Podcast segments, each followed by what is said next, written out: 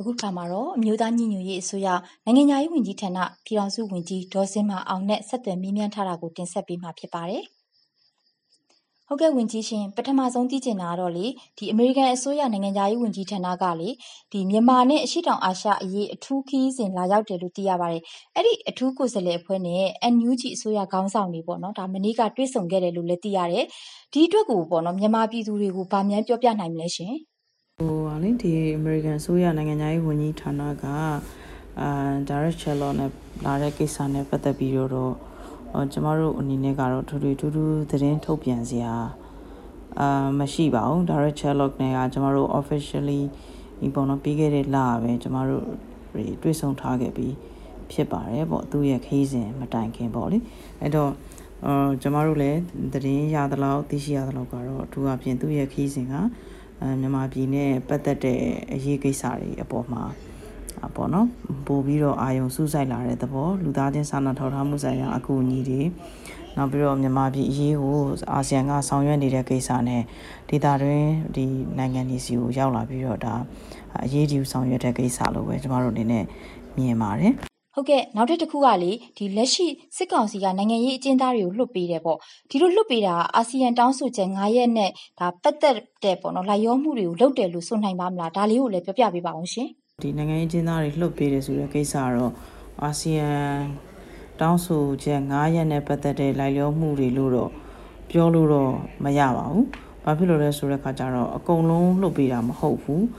နောက်ပြီးတော့လွတ်ပေးပြီးတော့လည်းပြန်ဖမ်းတယ်တချို့ရဲစခန်းတွေကိုခေါ်သွားပြီးတော့အမှုတွေတက်တယ်ဆိုတဲ့အနေအထားမျိုးတွေပေါ့နော်အဲတွေ့ရတယ်ပေါ့နော်ဒီလိုတွေ့ရတဲ့ခါကျတော့ဒါကစစ်မှန်တဲ့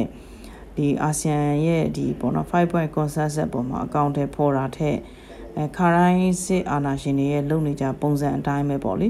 သူ့အပေါ်မှာ PR တွေနိုင်ငံတကာ PR တွေပြည်တွင်း PR တွေများလာတဲ့အပေါ်မှာဒါကအာတမျိုးတစ်ဖုံနဲ့ မျက်လှည့်ပြတဲ့သဘောပါပဲဒါကတော့သူသူ့ပုံမှာရောက်နေတဲ့ PR တွေကိုရော့ကျသွားအောင်လို့မဟုတ်လို့ဟိုလှည့်ကွက်တစ်ခုအနေနဲ့လုပ်တယ်လို့ပဲအဲကျမတို့အနေနဲ့မြင်ပါတယ်ဟုတ်ကဲ့နောက်ဆုံးအနေနဲ့ကတော့လေဝင်ကြီးဒီစစ်ကောင်စီအနေနဲ့ပေါ့နော်မြန်မာပြည်ရဲ့ Federal Democracy အရေးမှာကောင်းမွန်တဲ့ခြေလှမ်းတွေစတင်လာနိုင်တယ်လို့ဆိုနိုင်ပါမလားဒါကိုလည်းဒီနေရာကနေပြီးတော့ဝင်ကြီးပြောပြပေးပါအောင်ရှင်စစ်ကောင်စီအနေနဲ့ကတော့ဒီမြန်မာပြည် Federal Democracy အရေးဆိုတာထက် သူ့ရဲ့အာဏာဆက်လက်ပြီးတော့တည်မြဲရေးအတွက်ပေါ့နော်ဒီမြန်မာနိုင်ငံရေးမှာစစ်တပ်ကအမြဲတမ်းဥဆောင်ခွင့်ရဖို့လို့အတွက်အဲလုပ်နေတယ်လို့ပဲကျွန်တော်တို့မြင်တယ်အဲ့ဒီလိုသူ့ရဲ့နိုင်ငံရေးမှာဆက်လက်ဥဆောင်ခွင့်ရဖို့လို့ကတော့သူက Federal ဆိုရင်လည်းပြောလိုက်မှာပဲအပေါ်ရံပဲ Democracy ဆိုလည်းလိုက်ပြောလိုက်မှာပဲပေါ့နော်ဒါပေမဲ့သူ့ interpretation နဲ့သူဖြစ်တယ်ကျွန်တော်တို့မေးဖို့ဟို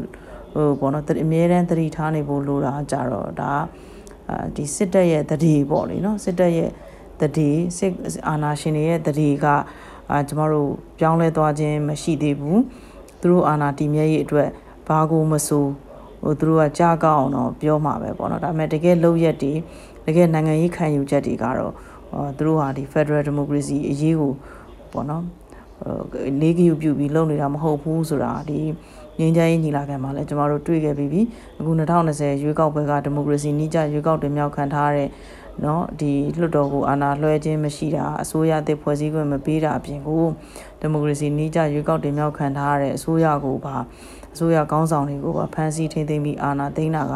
ဒါလက်တလောသက်တည်ပဲဖြစ်ပါတယ်လို့ပြောချင်ပါတယ်ဟုတ်ကဲ့ပါအခုလိုပေါ့နော်ဒါပြည်သူတွေသိလို့တဲ့အကြောင်းအရာတွေကိုဒါဖြည့်ချပေးတဲ့အတွက်ဒီဝင်ကြီးကိုလည်းကျမတို့ရဲ့ Radio NUG ကိုစားဖွဲ့သားတွေကိုစားကျေးဇူးထူးပဲတင်ပါတယ်ရှင်။